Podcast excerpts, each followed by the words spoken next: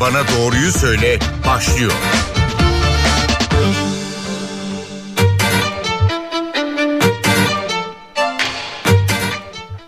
NTV Radyo'da Doktor Bana Doğruyu Söyle başladı. Ben Günür Öztürk Yener. Pandemi kendisini unutturmuyor. Bu hafta yine Covid'i konuşacağız. Yaz dönemindeyiz ancak tedbirlerin göz ardı edilmesiyle virüsün yayılımı hızlandı. Gazi Üniversitesi Tıp Fakültesi Dahili Tıp Bilimleri Bölümü Halk Sağlığı Anabilim Dalı öğretim üyesi Profesör Doktor Mustafa Necmi İlhan birazdan canlı yayın konuğumuz olacak ve sorularımızı yanıtlayacak ama hocamıza merhaba demeden önce WhatsApp numaramızı hatırlatalım. 0530 010 22 22 numaralı telefondan WhatsApp üzerinden bize hocamıza sorularınızı gönderebilirsiniz. Yine Covid konuşacağız, enfeksiyon konuşacağız elbette ki. Pandemiyle ilgili güncel aklımıza takılan ne varsa hepsini hocamıza soracağız. O yüzden hemen kendisine merhaba diyelim. Profesör Doktor Mustafa Necmi İlhan telefon attığımızda. Hoş geldiniz yayınımıza. Merhaba Gündür Hanım. Nasılsınız? Kolaylıklar dilerim. Çok iyiyiz hocam. Teşekkür ederiz. Yayınımıza katıldığınız için size teşekkür ederek başlayalım ve hemen ilk sorularımıza geçelim isterseniz. Tabii ki buyurun efendim. Sayın İlhan haftalık vaka sayısı 365 bine ulaştı. Günlük 52 bin vaka var. Vaka sayısı her hafta katlanıyor. Salgında evet. yeni ve endişeye yol açabilecek bir döneme mi kapı aralanıyor? Ne dersiniz? Açıkçası şu an geldiğimiz rakamların dediğiniz gibi çok yüksek olduğuna şahit oluyoruz. Yani günlük olarak baktığımızda neredeyse günde e, 30 binleri 40 binleri bulan rakamlar söz konusu. Bu da açıkçası bizi çok zorluyor. Ama şu an Allah'tan enfeksiyon diyor. Bu da bizim için bir avantaj. Ama kurallara uymamaya devam edersek ve aynı şekilde e, aşırı ya da bireyin dikkatli olması e, aşılımlarına devam ederlerse ve ileri yaşta vatandaşlarımızın kronik hastalanların da aşılanmış olmazsa maalesef daha olumsuz süreçlerde yaşayabilecek gibi gözüküyoruz. Sıradaki soruma geçebilir miyim hocam? Tabii efendim buyurun vakaların arttığını dikkatli olmamız gerektiğini yoksa bizi zorlayacak rakamlar olabileceğini ilaclamanın önemini söylemiştim ama buyurunuz efendim. Evet. Peki merak ettiğimiz şeylerden biri hastanelerin iş yükü ne durumda? Yani hem başvurular hem yoğun bakım açısından soruyoruz aslında. Şimdi burada ikisini ayırmak gerekiyor. Başvurular elbette yine var. Test vermeye gelen de var Gündür Hanım. Normal şikayetlerle gelen de var ama e, yoğun bakımlarda daha rahat olduğunu söyleyebiliriz. Örneğin ben bizden örnek vereyim. Biz servisleri kapatmış gibiydik ama yeni servis açtık ama yeni yoğun bakım açmadık. Hı hı. Bu yüzden de hani açıkçası e, çok yoğun bakımlı hasta olmadığını söyleyebiliriz ama e, bu şöyle de anlaşılmamalı. Yani çok yoğun bakımlı hastamız yok. Hastalar ağır olmuyor. O yüzden de ya bir şey değil korona geçti gibi diye de asla düşünülmemeli. Evet. Ee, hazır siz bunu söylemişken korona geçti gibi asla düşünülmemeli demişken dinleyicilerimizden Ziya Şenbayrak'ın bir sorusu var. Çevremde hasta olan ve klima çarptı bahanesine sığınan kimi teste gönderdiysek Covid pozitif çıktı. Mustafa Hoca'nın bu konuda bir yorumu olur mu diye sormuş kendisi. Ziya Bey'e tamamen katılıyorum. Son dönem o kadar çok geliyor ki hocam üstüm açık yatmışım, klima çarptı. Seyahat ettim, tatile girdim çıktım, dondurma yedim ama bunların hepsi Covid'le karışmaması gereken, Covid olma ihtimali çok yüksek süreçler bize başvuranların da testlerinin en az yarısının pozitif olduğunu söyleyebilirim bu şikayetlerle gelenler için efendim. Nasıl ayıracağız hocam basit bir soğuk algınlığıyla COVID'i? Açıkçası şöyle aslında bulgular çok farklılaşmış değil ama halen ateş en önemli şikayetlerden birisi. Özellikle boğaz ağrısı, sırt ağrısı, aşırı bir hastik varsa bu çok önemli. Halsizliğin yüksek olması da sırt ağrısının yüksek olması. Ama benim vatandaşlara acizane önerim sizin aracınızda birçok kez mesaj verdik. Sağ olun çok da iyi yapıyorsunuz e, mutlaka eğer böyle bir şüpheleri varsa e, en azından çevrelerini korumak için kendilerini maskeli izolasyon almaları ve büyüklerine çok yaklaşmamaları yönünde olacak. Evet. Hocam pandeminin başıyla şimdiye baktığımızda BA5 varyantıyla uğraştığımızı biliyoruz. Omikron'un BA5 varyantında testlerin negatife dönmesi daha mı uzun sürüyor diğerleriyle kıyasladığımızda? Yeni varyant ayrıca daha bulaşıcı diyebilir miyiz? Daha bulaşıcı olduğunu söyleyebiliriz. Hatta o BA5'in alt varyantları da daha bulaşıcı ama yine 7 günlük süre yeterli olacak gibi gözüküyor bir hafta. Farklı çalışmalar var daha kısa da daha uzun olduğuna dair ama 7 gün ideal bir süre olarak gibi gözüküyor dönmesi için işe dönüş için de. O yüzden 7 günü geçiren vatandaşlar hala kendilerine yakınmalar varsa kendilerine dikkat etmeleri gerekiyor. Yoksa çok o kadar aşırı bir uzunluğu ile ilgili elimizde net bir bilgi söz konusu değil. Yani bir haftalık karantina süresi yeterli mi hocam? Testimiz negatife dönmese bile hakikaten e, işimize gücümüze dönebilir miyiz?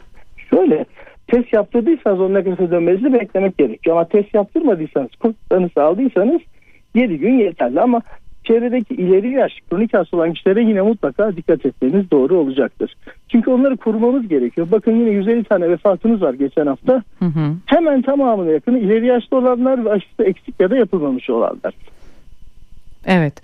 Ee, hocam bir diğer dinleyici sorumuz var. Ee, Ayça Hanım, Ayça Ünsever ee, geçen haftalarda Covid geçirdim. Bu hastalıkla beraber vücudumda oluşan antikorlar beni ne kadar süre korur diye soruyor Ayça Ünsever. Şimdi Ayça Hanım'ın öndeki aşılama durumunu bilmiyoruz ama e, hastalık geçirdikten sonra 3 ay sonrasında en geç 6 ay bulmak koşula bir dozda aşı olmasını mutlaka öneriyoruz. Eğer ekstra bir sağlık sorunu yoksa önceki aşını bilmiyorum ama şu an sadece hastalığı bugün bitirmiş bir kişi 3 ay sonra bir daha da olabilir ama en geç 6 ay sonra bir kez daha aşı olabilir demek gerekiyor. Tabi bu arada bu 3 aylık sürede tekrar koronavirüse yakalanabileceğini bilmesi gerekiyor Ayça Hanım'ın da. Evet. Ee, hocam Covid'i atlattığı açıklanan Amerikan Başkanı Joe Biden'ın korona testinin tekrar pozitif geldiği açıklandı. Biden'ın tedavisi sırasında Pfizer'ın Covid hapı kullanılmıştı böyle bir açıklama vardı. Son araştırmalara göre bu ilacı kullanan kişilerde dozun yetersiz kalması halinde zaman zaman Covid tekrar edebiliyor. Bu konuda sizin yorumunuzu alabilir miyiz? Tabii yine kişi özelinde söylemeyelim ama şöyle dozun yetersiz kullanılması ya da yetersiz süre kullanılması hem nitelik açısından hem de süre açısından böyle dezavantajlara sebep olabiliyor elbette. O yüzden tabii hastayı bilmiyoruz. Bir kez de altını çiziyorum ama hı hı. bu tabii uzamış Covid de olabilir. Kişi antikor düzeyi yeterince gelişmemiştir çünkü ileri yaşta birisi kendisi. Yeniden de Covid'e yakalanmış olabilir. O konuda da bilgimiz olmadığı için net bir şey söylemek güç olur ama doktorların uygun bir tedavi vereceğine inanıyorum Amerika Birleşik Devletleri'nde de. Fakat dediğim gibi ileri yaşta olduğu için bir kez daha da yakalanmış olabilir düşüncesindeyim. Hı hı. Hocam Türkiye'de Covid ilacı kullanımı ne durumda? Türkiye'de şimdi hastaneye yatan kişilerde yani ileri yaşta ve ağır vakalarda ilaç kullanım yine söz konusu ama burada tabii yine kişinin kendi özellikleri, hastalığın ağırlığı, daha önce aşık olmadığı gibi pek çok faktör söz konusu. Yani şu an şöyle bir strateji yok. Hatırlarsanız bir dönem e, her Covid tanısı alana tablet getiriyordu, evden veriyordu, alın deniyordu. Şimdi böyle bir strateji yok. Hı hı. Şimdi yeni nesil ilaçlarla beraber daha çok yatarak tedavi ihtiyacı olan ağır hastalarda ilaç tedavisi devreye giriyor. Evet. Ee, Sayın İlhan sorularımızı elbette sormaya devam edeceğiz ama bu arada bir dinleyici sorusu daha geldi. Hemen onu yöneltmek hı hı. istiyorum size izninizle. Tabii. Nihal Hanım, Nihal Kılıç sormuş. Covid geçirdikten bir ay, iki ay sonra mutlaka ciğerlerinize baktırın deniyor. Öyle mi yapmalıyız diye soruyor. E, hayır, eğer bir şikayet yoksa kişinin böyle bir şeye gerek yok. Mutlaka demek çok zor. Zaten Covid'i biz de daha yeni yeni tanıdık. Biliyorsunuz bilim insanları iki buçuk yıldır biliyor ama hı hı. kişinin kendisine bir akciğer sorunu yaşanmışsa veya akciğerinde bir nefes darlığı bir şey varsa ya da astım, kronik akciğer hastalığı varsa, sigara kullanım varsa elbette bir kontrolde fayda olabilir ama ekstra öyle bir şey demek doğru olmaz. Evet. Biraz önce yine e, aşıya da değinmiştiniz antikor sorusuyla ilgili dinleyici sorumuzun üzerine ama biraz daha ayrıntıya girmek adına sormak istiyoruz. Çünkü Tabii. bu süreçte en büyük destekçimiz aşılar. Sizce doz sayısı mı son aşıdan sonra bekleme süresi mi önemli ya da hastalığı geçirenlerin tekrar ne zaman aşı olması gerektiğini de tekrar sormuş olalım. Tekrar hatırlatırsanız. Tabii şöyle diyelim. Yani doz sayısı dersen bir kere aşılar iki dozla etkili oluyorlar. Bu ister Sinovac İster Biontech olsun isterse yerleşimi Sürkovak olsun. İki doz aşılama dozu. Onun üzerinden 6 ay geçirdikten sonra bir doz daha hatırlatma dozu yapıyoruz. Ondan sonra 6 ay sonrasında da yine hatırlatma dozlarıyla gidiyoruz. Hastalığı geçirmeyi de bir doz aşı gibi düşünüp dediğim gibi 3 ile 6 ay arasında bir doz da aşı yapılmasını uygun gördüğümü söyleyebiliriz. Burada vatandaşlarımızın aklına şu gelmesin. Örneğin iki Sinovac oldu. E, aşıyı tamamladı. Bir doz daha aşı olacaksa istediği aşıyı tercih edebilir. Hastalığı geçirmişse bir 6 ay daha erteleyebilir hatırlatma dozunu. Ama son aşı ya da hastalığın üzerinden 6 ay ve üzerine zaman geçtiyse mutlaka bir doz da aşı olması doğru olacaktır. Hı hı. Peki mevcut aşıyı olmak mı yoksa sonbaharda gelmesi beklenen bu yeni varyantlara karşı güncellenmiş aşıyı beklemek mi mantıklı? Şöyle ben kendimden örnek vereyim. Ben Nisan ayında aşıyı oldum. Sonbaharda da 6. ay geçtiği için bir dozda aşı olacağım tabii ki. Hı hı. Yani o yüzden şu an aşı zamanı geldiyse vatandaşlar aşı olması en doğrusu olacaktır. Çünkü varyantlar her zaman değişebilir biliyorsunuz vakti geldiyse aşınızı tabii, tabii. olun mu diyoruz. olmalı. En doğrusu kesinlikle doğru cümle. Hı hı. Peki biraz önce yine bir dinleyicimizin sorusuydu bu klima çarptı bahanelerine çok rastlanıyor hı hı. diye. Şöyle bir şey soralım ondan yola çıkarak aynı anda hem covid hem grip olmak mümkün mü? Olabilir. Hem influenza hem de covid aynı anda elbette olabilir. E, bunun için de açıkçası yine bulaştırıcılar dikkat etmek gerekiyor. Aynı anda bir vatandaş ikisine birden yakalandıysa bir kişi demektir ki kapalı yerlerde dikkatli olmuyor. Çok kalabalığa giriyor. Maske takmıyor. Alo. Şimdi dezavantajı şöyle. Kabloyu ağırlaştırabilir bu süreç. Hı hı. Bu süreç tabloyu tabii, ağırlaştırabilir. Tabii, iki enfeksiyon aynı anda oluyor. Öyle olunca da tablo ağırlaşabilir elbette. Evet. Sayın İlhan Biliyoruz ki bu viral bir hastalık. Covid-19 virüslerle hı hı. bulaşıyor. Yani bakterilerle ilgisi yok. Ama ve lakin çevremizde sıkça duyduğumuz bir şey Covid'i atlatmaya çalışırken antibiyotik e, kullandım ya da çevremde bazıları kullandı çok daha kolay atlattı diye. Hı hı. Antibiyotiklerin bakterilere etki ettiğini biliyoruz. Bu konuda yine bir açıklama yapmak ister misiniz? Tabii ki. E, Covid'in antibiyotikler hiç işi yok. İkincil enfeksiyon olmuş, ikincil bakteriyel enfeksiyon olduysa ancak antibiyotik kullanmak gerekiyor. Hatta antibiyotiklerin bu vesileyle değindiğinizde teşekkür ederim. Bilinçsiz kullanımı bazen bağışıklık sisteminde etkileyip COVID'in de daha ağır geçirmesine sebep olabiliyor. O yüzden vatandaşlarımız COVID oldularsa mutlaka yine hekime danışmalı. Doktor önerisiyle ikinci enfeksiyon varsa antibiyotik kullanmalı. Aynı şey tabii grip için de geçerli Gündür Hanım. Evet. Ee, Hocam biraz önce sorduğum için e, Hatay'dan Selim Bey'den hı hı. E, bir e, soru geldi. E, Covid-19 için güncel aşıları beklemek gerekir mi diye sormuş kendisi. Biraz önce yöneltmiştik zaten. Hı hı. E, peki risk grubu için fark eder mi diye sorayım. Onun e, sorusunun Yok, ayrıntılarına bakar. Yok mutlaka aşılarının olmalı. Yani beklemek ne getireceği bilmediğimiz bir süreç. Şu an bir risk var. Hı hı. Vakaların nasıl arttığını hep müsait oluyoruz. Zamanı gelen aşısını olmalı mutlaka.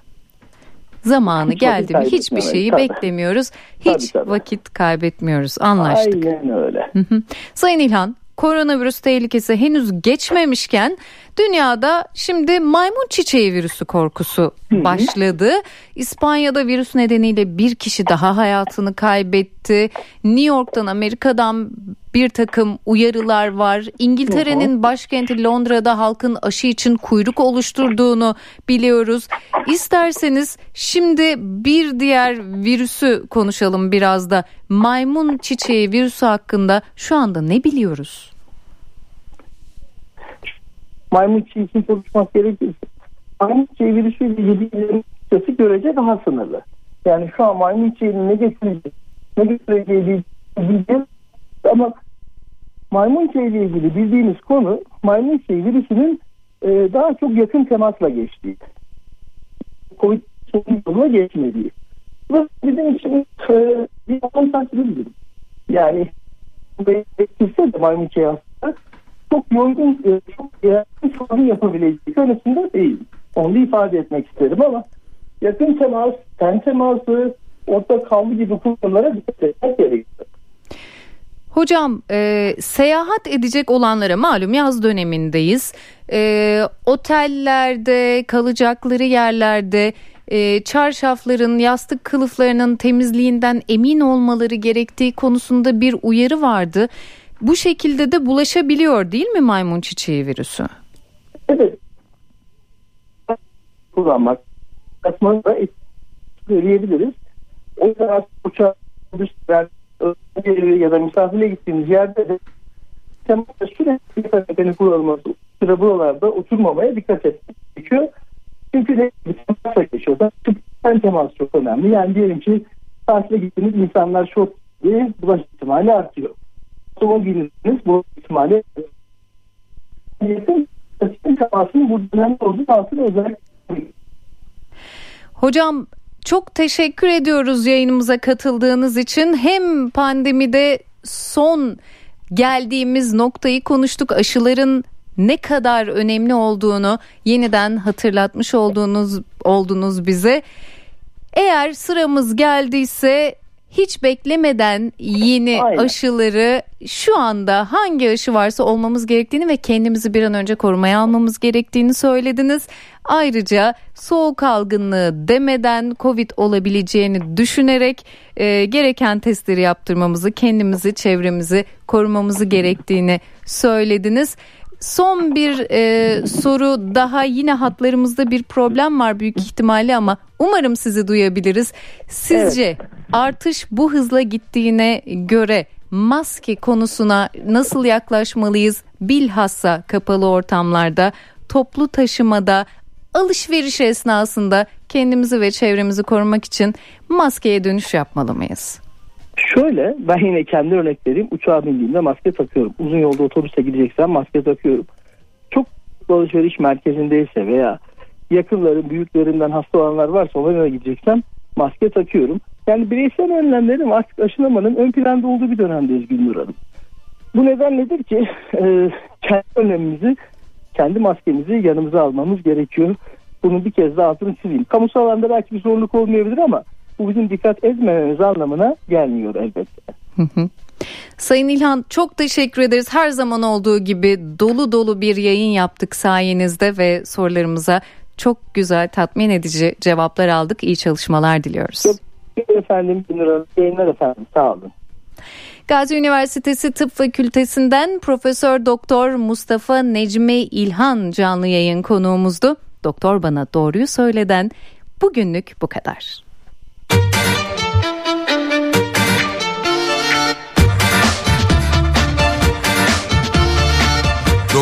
bana doğruyu söyle.